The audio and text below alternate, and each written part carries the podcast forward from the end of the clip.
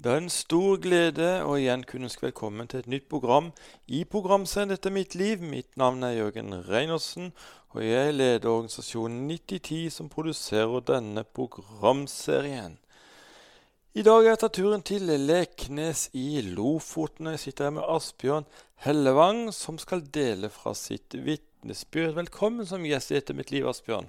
Ja, tusen takk. Du har vært rusmisbruker i hele 34 år, men har nå et godt liv og driver et arbeid som hjelper andre som sliter. Dette skal vi selvsagt komme tilbake til, men kan ikke du starte med å fortelle lytterne hvor du ble født og oppvokst? Ja, jeg er født i Odda. Jeg er 68 år gammel. Jeg eh, bodde vel i Odda til jeg var 14 år gammel. Og de åra der, de var jo sånn litt opp og ned. Jeg drev jo mye med idrett. Drev med fotball, friidrett og masse sånn forskjellig. Men så, i familien, så uh, hadde jeg en far som var utrolig vond når han var edru. Men han var verdens snilleste mann. Han drakk. Ja. Og det er ikke det mange som eh, opplever. Nei. Og eh, jeg fikk jo veldig mye juling. Jeg husker jo fra jeg var fem år gammel hvor mye juling jeg fikk bare den tida der. Og, eh, men jeg var jo så mammadalt. Og jeg husker bare når jeg var 13 år gammel, så husker jeg bare mamma fikk så mye juling. Og da sier jeg til mamma at mamma, det her er, vi kan ikke bo her lenger. Og da reiste vi på natta til Oslo. Og der hadde mamma ei tante som var i Frelsesarmeen.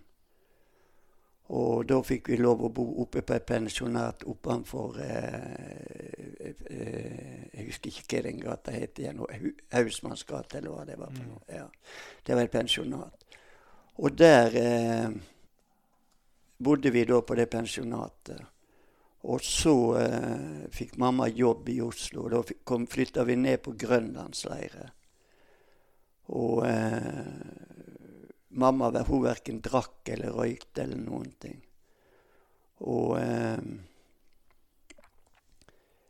så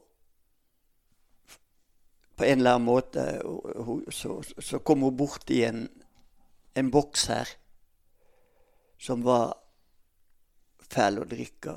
Og meg og han gikk overhodet ikke overens. Og eh, når jeg var 13-14 år gammel, så bodde jeg jo på gata. Jeg bodde jo i trappeoppganger, jeg bodde jo i konteinere, jeg bodde jo i alt mulig sånn som går an. Og eh, da når jeg havna i det, så begynte jeg jo med sniffinger på Grønland. Og eh, så gikk det jo over til amfetamin. Eh, og det balla jo på seg hele veien, da. Og, eh, men var, jo, vi hadde ikke noe annet å gjøre. For at eh, på dagen så bodde vi jo på, på Grønland, nede i T-banen og alt det. Og på kvelden så bodde vi i trappeoppganger, eh, containere. For jeg var jo ikke aleine. Vi var jo det var flere der som, som hadde opplevd akkurat det samme. 13-14 år gammel? Jeg var 14 år gammel. Og eh, jeg husker det at eh, Og jeg kom borti ei, ei dame så vi fikk lov å bo hos ei stund. og då, Det var da jeg skulle konfirmere meg. og Da var jeg 14 år, eller hva det var for noe. Og da, eh, og eh, da eh, leita jo de etter meg. Og da kom jo far min til Oslo for at konfirmasjon Jeg ble jo konfirmert da. Men det var jo bare det var jo bare konfirmasjon, og så var jeg borte vekk igjen. For at jeg hadde jo ikke noen ting med noen ting med noen folk å gjøre. Mm. Og så balla det på, bare på seg sånn som sånn så det. Og så uh, Nei, det har jo vært et uh, Hva skal jeg si, da når jeg var ung, så var det jo et veldig hardt liv, da. Og så gikk det jo noen år. Og så fikk jeg bo på, eh, på Grünerløkka. Det var en sånn institusjon for gutter. Og der hadde jeg jo det ganske, ganske fint. da. Men så ble det jo amfetamin, mye amfetamin der. Og så husker jeg at meg og en annen vi dro til København. Til Kristiania. Og da var jeg vel eh, ja, Jeg kan tenke meg jeg var 17 år gammel. Mm. Så bodde jeg vel der i ett år, halvannet år. Og så tilbake til eh, Og da kom jeg tilbake til Odda. Og da var jeg jo 17 år, og, og eh, Men før den tid så satt jeg jo inne i fengsel. Og så mens jeg satt inne i fengsel, så døde broren min. Han kjørte seg i hjel. Han også ei jente som omkom. Og eh, det var jo veldig hardt, da. Og, eh, og, og eh, da når jeg eh, Han døde da, så satt jeg jo i fengsel. Men da fikk jeg søke meg, og da fikk jeg lov å søke på, komme på en institusjon som heter Fretex i Ole Deviksvei i Oslo. Så der fikk jeg lov å sone ute, og så jobba jeg på Fretex mens jeg sona der. da. Og Nei, altså, det, det, har skjedd veldig mye rart. da. Hvordan var det å komme bak ei låst dør Hva når, du? Når du kom i fengsel? Nei eh, Det var ikke så hardt, det. For at eh, jeg, Før ute så bodde jeg jo container, trappeoppganger og alt det samme. og Jeg kom jo inn der, jeg fikk jo mat. Jeg fikk jo Jeg fikk jo det som, eh, som du trengte, da. Ja, altså, men det var jo bedre å komme på Fretex på evangeliesenteret. Ja, det er klart. Ja. Hvordan, hvordan finansierte du misbruket ditt? Altså På den tida der så var det sånne videokassetter som var i bilene med sånne Du husker de der tjukke, sant. Og var det, jo, det, det var jo der vi henta de. Vi gjorde innbrudd i biler, og så fikk vi tak i de der, og så solgte vi det, og så uh, Og så fikk jo jeg kontakt i Oslo med en som jeg begynte å pushe amfetamin. da. Og eh, da eh, fikk jeg jo til mitt bruk, da. Ja. ja. Og der begynte jo reise opp amfetamin, da. Det er skummel reise? Eh, ja. Det, det var skummel reise. Det ble etter hvert eh, hele 34 år med rus og elendighet. Ja, ja, ja. Eh, det, og etterpå det så begynte det jo med at jeg begynte å selge hasj. da. Eh, og eh, jeg kom jo inn i veldig godt, eh, si, godt miljø når det gjaldt hasj. da.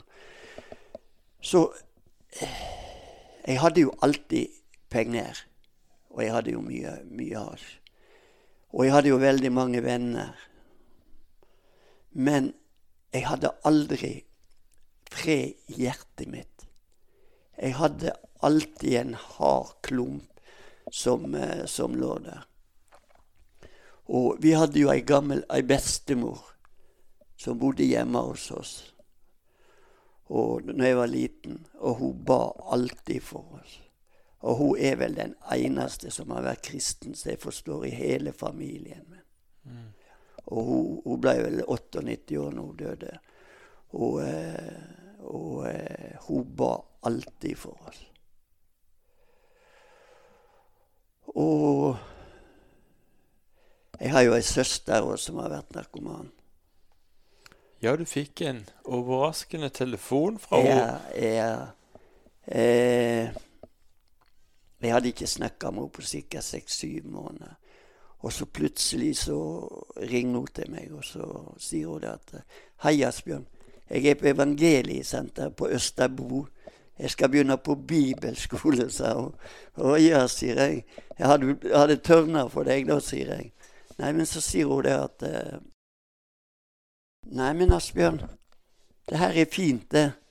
Prøv å komme inn på evangeliesenter, du òg. Og så tenkte jeg evangeliesenter i alle dager. Jeg hadde aldri hørt om det. Men jeg, jeg har jo vært på mange institusjoner.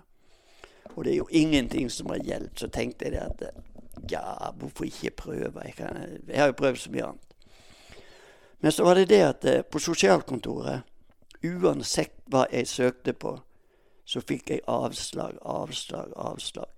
Og så var jeg så gal nå at jeg hadde jo apolis her oppe der og alt, at jeg kommer aldri lenger inn, inn til skranken. Og der måtte jeg stå, og så ble alt avgjort der. Og så eh, hadde jeg saksbehandler, og jeg kan si navnet til for hun heter Astrid. Og så sier jeg til henne at eh, hei, jeg vil på noe som heter Evangeliesenter. Og så ser jeg bare ei dame så lyse opp. Neimen, så flott, Asbjørn, sier hun. Og så, og, og så, ser jeg på henne og sier jeg, sier du flott, sa du har jo nekta meg alt som er Ja, men vet du hva, Asbjørn, det her kan være redninga for deg, det. Eh, jeg var jo bare 56 kilo. Og så fyker hun inn vent litt, sier hun, så fyker hun inn igjen på, på uh, kontoret sitt. Så kommer hun tilbake med rekvisisjon til meg, med taxi fra Odda til Oslo. For at uh, hun regner med at jeg aldri ville klare det. Og jeg ville vel heller ikke det, for at uh, bukspyttkjertelen min, den var helt gåen. Og jeg fikk jo av legene Ketogan og slik for at de skulle eh, ta smertene.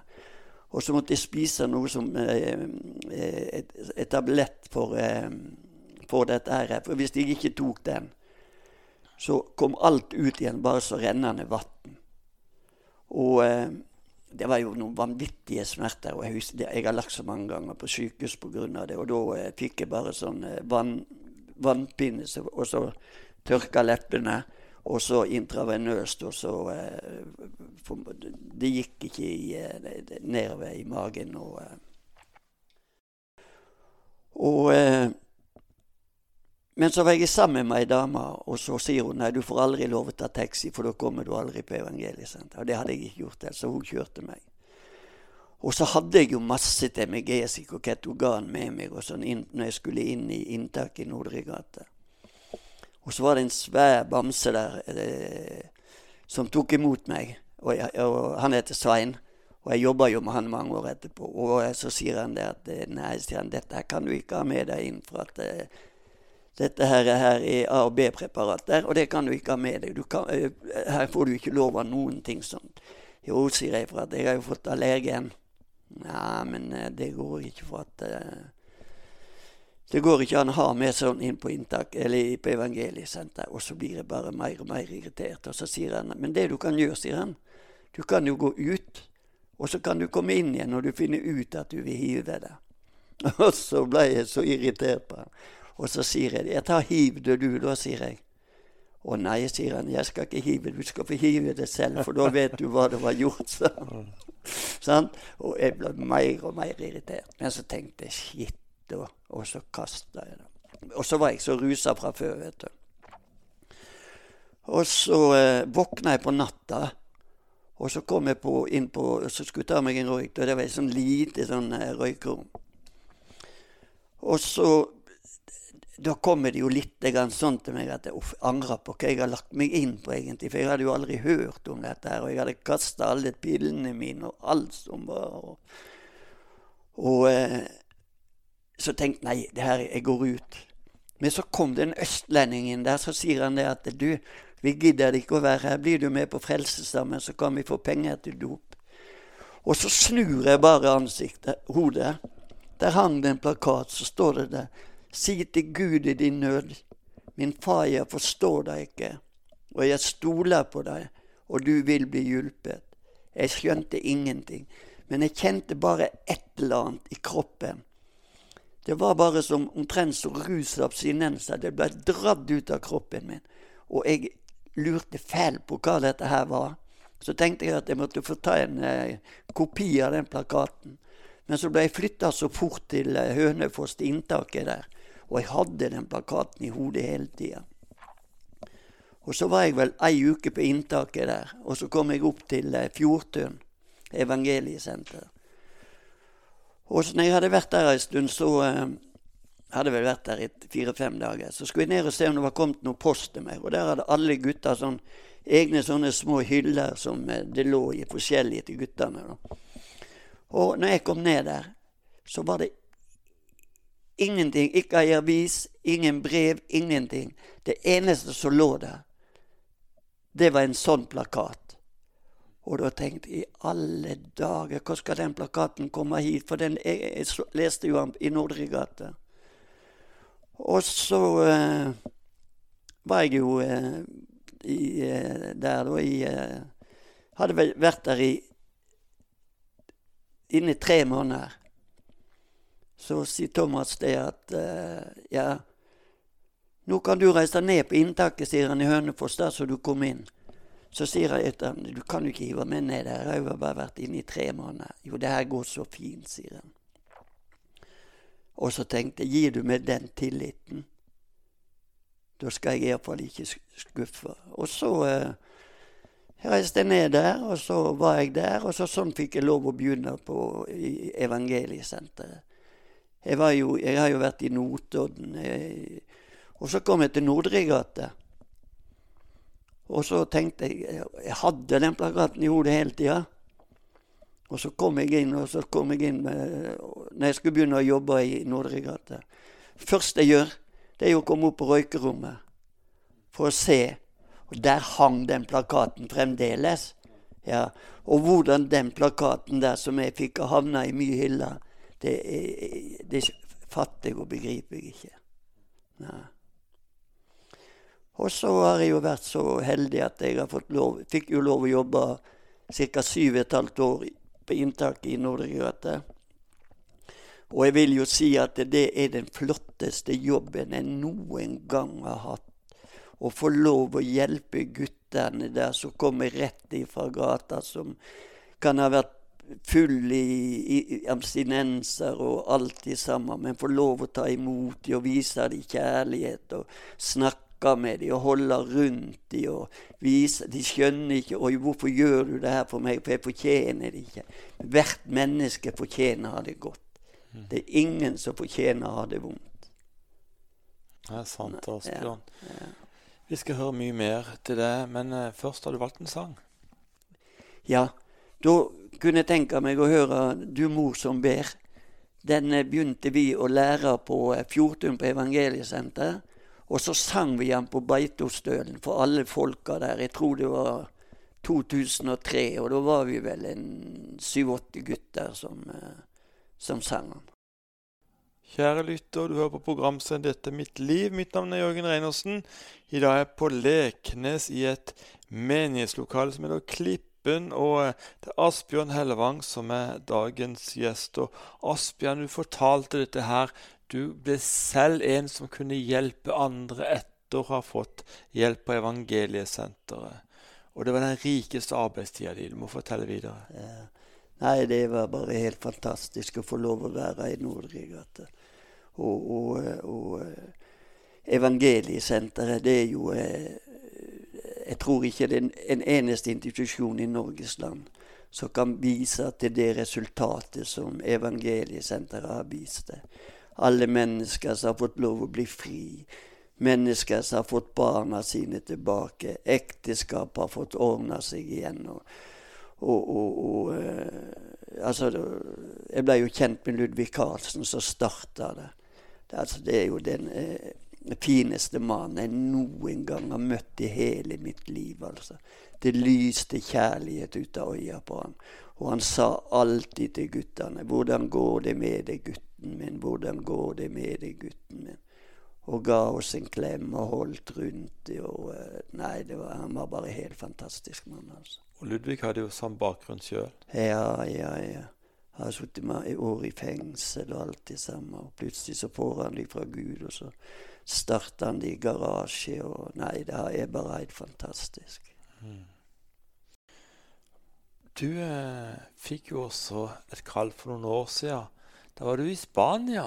Ja, vi bodde i Spania. Og så, eh, så kom det på Facebook at uh, om det var noen som eh, kunne hjelpe mor med barn.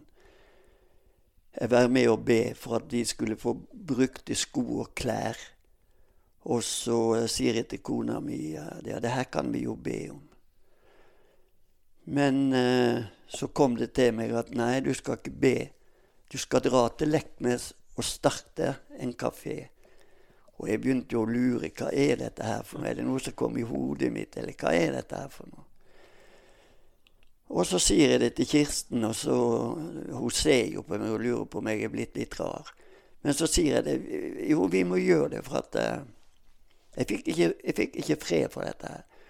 Og så dro vi til Leknes, og så uh, kom uh, kom jeg til en restaurant som var nedlagt. Men han skulle ha 40 000 i måneden. Så sier jeg ja, det kan jo jeg bare glemme, sier jeg, for det har ikke jeg råd til. Men så var det bare så bena mine De gikk automatisk bort til Milano. Og han som eh, eier Milano, han er muslim. Og så spør jeg han om, eh, om eh, han har et lokale bak der som er ledig. Nei, det var det Liverpool-supporterne som hadde leid. Men jeg har et lokale nede i kjelleren, sier han. Ja, du kan være med ned og se, sa han. Ja vel, og jeg var med ned og ser. Og så kom jeg ned der, og det jeg så der, det var jo bare et svært, svart rom med moll på gulvet. Men så sier han det at eh, hvis du vil ha dette lokalet, så skal jeg støype gulvet. Du skal få fliser på gulvet. Du skal få panel på veggene. Du skal få isolasjon før du får panel på veggene. Du skal få ny toalett. Du skal få eh, oppvask, eh, og du skal få oppvask og vaske oppi. Og du skal få alt mulig. Du skal få eh, kaffe, du skal få det du trenger, tomatene, tallerkener og alt det samme. Og så tenkte jeg å kjære min hatt, hvor dyrt blir dette? Nei, da skal du betale meg 6000 kroner, sa han. Nei, sier jeg, det har jeg ikke råd til, sier jeg. Men eh, hva sier du til 4000, sier jeg. Ja, da skal du, ja, det skal du få når at du skal bruke det til det, sier han. Men, sier han, da skal du betale meg 12 000 kroner i depositum. Og så Ja, sier jeg bare. Jeg, jeg, jeg skjønte ikke hvor jeg skulle få pengene fra. Men eh, så hadde vi åpninger da på Milano, og da kom ordføreren. Og han sier jo det at det her var jo veldig fint eh, gjort, og at eh, mennesker som har behov for å komme på en annen, annen slags kafé, og få lov å være seg sjøl der og slappe av, selv om du kan slite med det ene og det andre. Og så, eh, når jeg kom hjem, så eh, fikk jeg jo en sånn melding om at eh, en som kunne tenke seg å være med og støtte 1000 kroner i måneden. Men da måtte vi være med oss og hjelpe mødre som, eh, med barn og sånn som ikke hadde noe, hadde noe særlig. Og sånn. Ja, sier jeg, det er greit, det skal vi være med på. Og da hadde vi 1000 kroner. Og så fikk vi 1000 kroner fra et ektepar i menigheten min. Men likevel så mangla jo 10 000 kroner. Og så eh, på kvelden, i ellevetida, så eh, får jeg en messengermelding. Og der får jeg en sånn at eh, Hei, Asbjørn. Synes det er så fint, dette du vil starte med. Eh, å hjelpe mennesker som er kommet feil i startgropen. Derfor lurte jeg på om jeg kunne få lov å sponse deg med 50 000 kroner. Jeg leste den meldinga. Tårene den bare begynte å trille. Så, så tenkte jeg takk Gud, du var med. Det var riktig når at jeg fikk den fra Spania.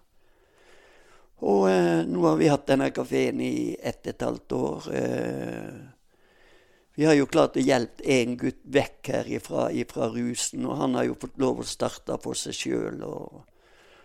Så eh, Nei, all, all, takk til Gud, og at jeg har fått lov å være eh, rusfri nå i eh, 20 år. Har jeg fått lov å være rusfri nå. Ja, det er vidunderlig.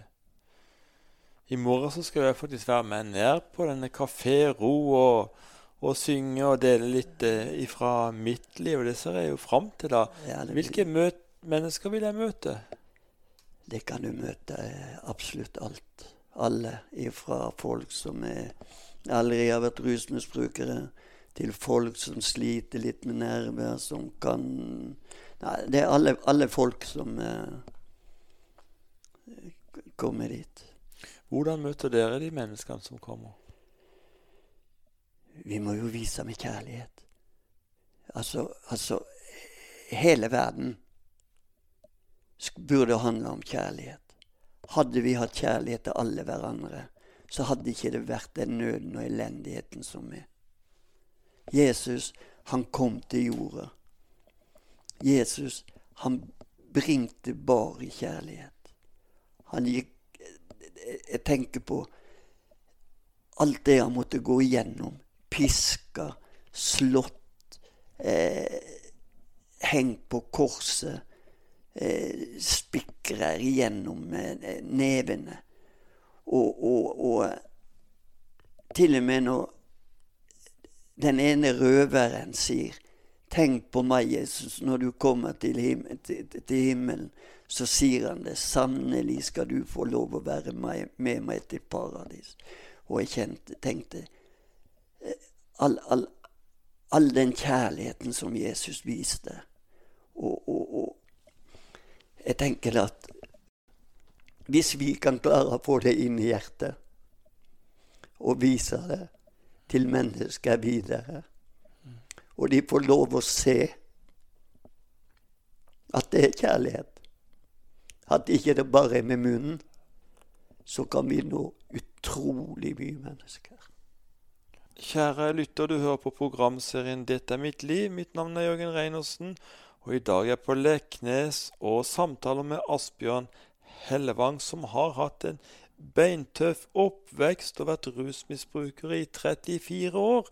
Men så har han starta opp et arbeid som heter Kafé Ro, og hjelper andre mennesker som opplever en tøff hverdag. Og Asbjørn, hvis det skulle sitte noen mennesker rundt i vårt landstrakte land som har lignende planer, eller har hatt slike planer om å starte opp en rusfri kafé. Hva vil du si til dem? Det er fullt mulig. Kafé Ro. Det er tre Kafé Ro i eh, Norgesland, og det er på Leknes. Det er i Porsanger, og så er det Karasjok. Og det, den som starta dette, det er en som heter Ole Beverud. En god venn av meg. Og han kom jo ned hit når vi starta det, og han var jo med og gikk rundt i butikker og forskjellige sånne plasser. Og eh, hvis det er noen ute der som, som, som, som Altså, for det første av alt så må det være en glød i hjertet ditt for å kunne starte en sånn kafé.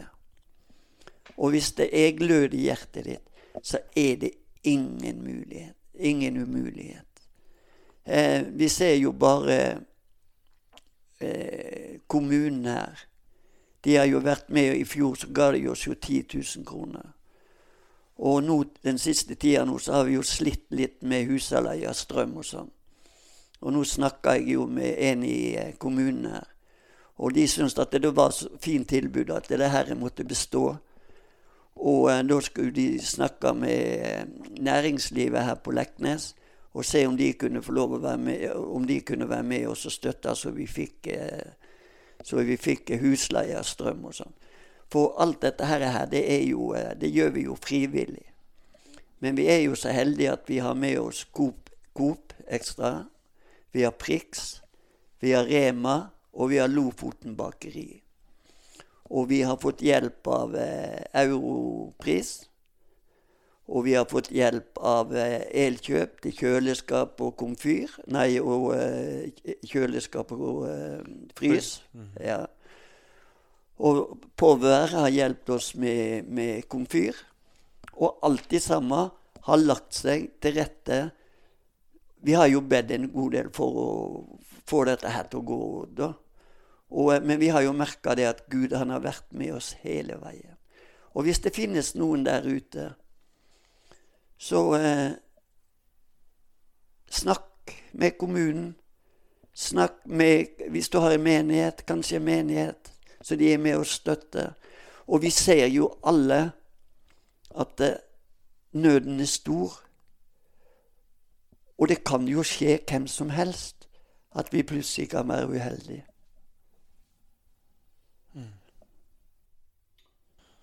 Det er sant. og Det må du som lytter på, som har sånne planer, bare sette i gang. Oppsøk gjerne da Asbjørn, ja, så kan få litt tips om råd ja, om dette. Ja, her. Så. Ja. Det er bare til å ringe meg. Nummeret mitt er 9041 1471. Og hvis det er noen som har lyst til å lure litt på noe, så er det bare til å ringe meg. Så bra, Asbjørn.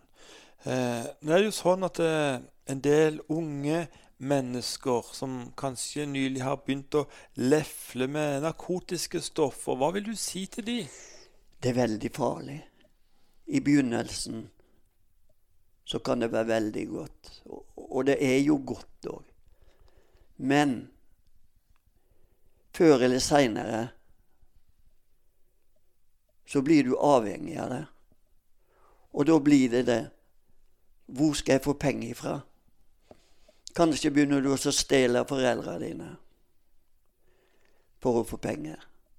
Kanskje blir det så gale at eh, du må gjøre innbrudd. Kanskje blir det så gale at eh, hvis du er jente, at du må selge deg for å få penger til stoff. For at når du først blir avhengig, så, så er kroppen din sånn avhengig, akkurat som du må ha mat. Mat må du ha hver dag. Og det samme er det med narkotika, når du først begynner med det. Og, og eh, det, er, det er knalltøft. Det, det, det, du ser jo bare at folk De raner jo folk for å få penger til stoff og alt det samme. Så, så å begynne med det, det er livsfarlig. Det er sterke krefter. Ja. Det er veldig sterke krefter. Mm. Og, og, jeg kjenner jo mennesker jeg, som, som, har havna skikkelig utpå. Jeg kjenner jo eh, da, jenter som har solgt seg sjøl for å få penger til stoffer. Mm. Så det, det Hvis det skulle da sitte noen som har rust seg en del år, som lytter på deg nå, Asbjørn, og det får kanskje lite håp, hva vil du si til dem? Det er alltid håp. Og eh, vi hadde, vi hadde, I Evangeliesenteret så kommer det jo et blad ut som heter 'Ennå er det håp'. Og der står det jo det at eh, hvis det er folk som sliter med rus, så, det, så det, går det an å komme inn på evangeliesenteret. Evangeliesenteret Du kan jo ta utdanning. Du kan jo ta utdanning på, eh, som kokk. Du kan som servitør, som tømrer. Eh, det forskjellige. Og, eh, og eh, Ring Evangeliesenteret hvis det er noen som virkelig har lyst på å komme ut av det. og og, og, og, jeg har jo en svoger som jobber på inntaket. Og hvis jeg kan hjelpe til der, så kan de bare ringe meg, og så skal jeg ringe til inntaket, og så snakke med de der, og så se om, om ikke det går an, så få hjelp de på en eller annen måte. Veldig bra. Kan du også tenke deg å be en bønn for de som lytter på dette programmet? Ja, kjære Jesus. Vi takker at vi får lov å komme fram til din trone nå, Jesus. Vi takker Jesus så mye for at du, Jesus, er veien, du er sannheten og livet, Jesus. Vi takker Jesus for at en dag, Jesus, så skal vi gå herifra. Og da er det viktig, Jesus, at vi har fått lov å tatt imot frelsen, Jesus. Du, Jesus, som vil at alle mennesker skal bli frelst, Herre. Du ser alle mennesker ute i verden og i Norges land, Jesus. Vi takker for dette programmet, radioprogrammet 9010, Jesus. At vi får lov å be for mennesker der ute, Jesus. Du ser mennesker, Jesus, som sliter, Jesus. Du ser mennesker som har det tungt, Jesus. Men takk, Herre, for du elsker alle mennesker, Jesus. Du vil bare det beste for alle mennesker, Herre. Derfor takker vi nå, Herre, at du på en eller annen måte, Jesus, berører mennesker der ute, Jesus. La dem få lov å se Jesus, at du lever, Jesus. Og at mennesker, Jesus, kan få hjelp, Jesus, som du vil at mennesker skal ha, Jesus. Du ser, Jesus, mennesker sliter med det ene og det andre. Men takk alle dere som hører på, at vi kan få lov å be. Vi kan få lov å legge dere fram til Herren, og at dere tar òg og tar imot og ser det at alt det hjelper hvis vi kommer fram til Jesus. Bare ta en enkel bønn og si til Jesus 'Jesus, her er jeg, Jesus. Jeg tror på deg, Jesus. Jeg vil følge, din, jeg vil følge deg, Jesus.'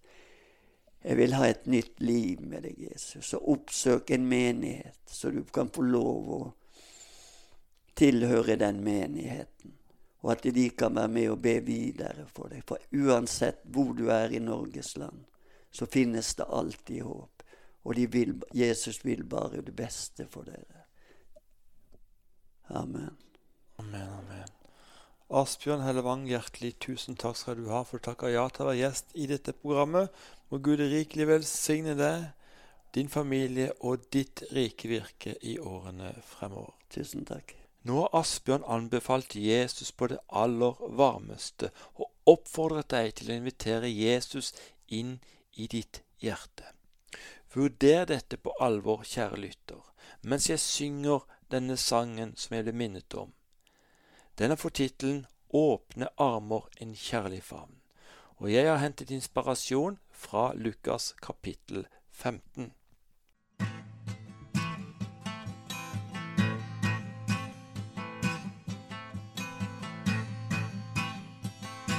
Jeg fikk alt som var mitt. Gikk så min egen vei.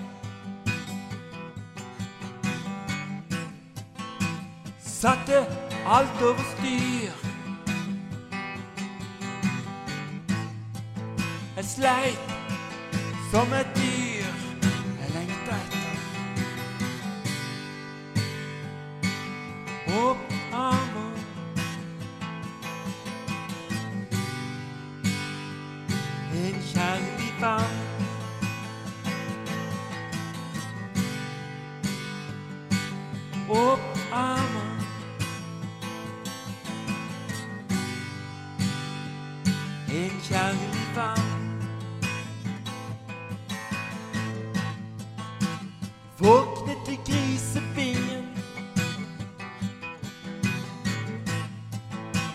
Kan ikke er her. Jeg går hjem til min far. Han er en skikkelig kar.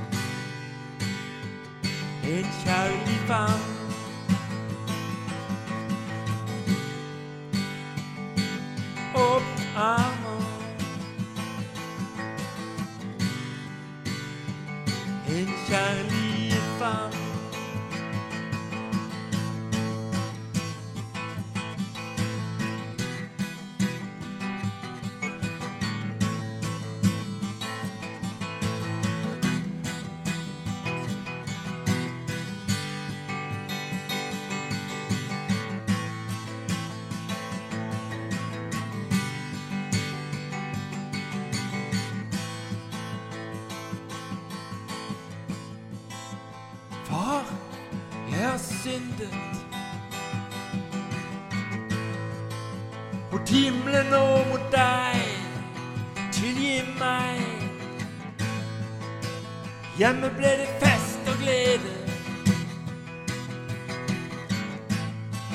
Nesten alle var til stede.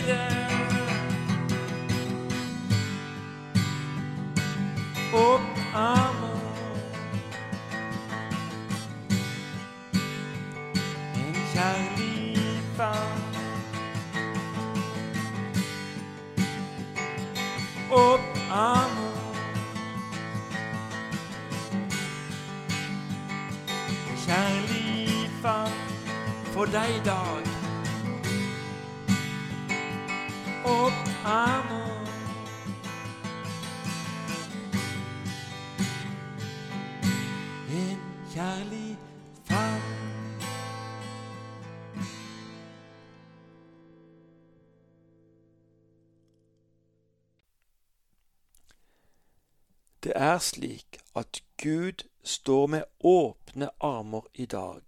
Han elsker deg, og han gav alt for at du skulle bli virkelig fri. Det er bare Jesus du kan få oppleve den friheten du egentlig lengter etter. Så gjør som Asbjørn sa, og inviter Jesus inn i ditt hjerte. Du kan be denne bønnen etter meg. Jesus, jeg kommer til deg nå slik som jeg er. Tilgi meg for mine synder. Jeg tar imot deg som min Herre og Frelser i livet. Takk at jeg nå kan kalle seg Guds barn fordi ditt ord sier det. Til deg som ba denne bønnen, ta veldig gjerne kontakt, så vi kan sende deg en gratis bokpakke. Du finner meg, Jørgen Reinertsen, på Facebook, eller så finner du kontaktinfo på vår hjemmeside 9010.no. Dette staves slik n-i-t-t-i e0.no. Neste uke er vi tilbake på denne kanalen med en ny gjest eller to. Vi oppfordrer deg til å benytte anledningen til å invitere noen på en kopp kaffe og lytte i fellesskap. Vi tror det kan bli mange gode og viktige samtaler etter disse programmene. Vi takker så mye for i dag og ønsker deg, kjære lytter, det beste av alt Guds velsignelse.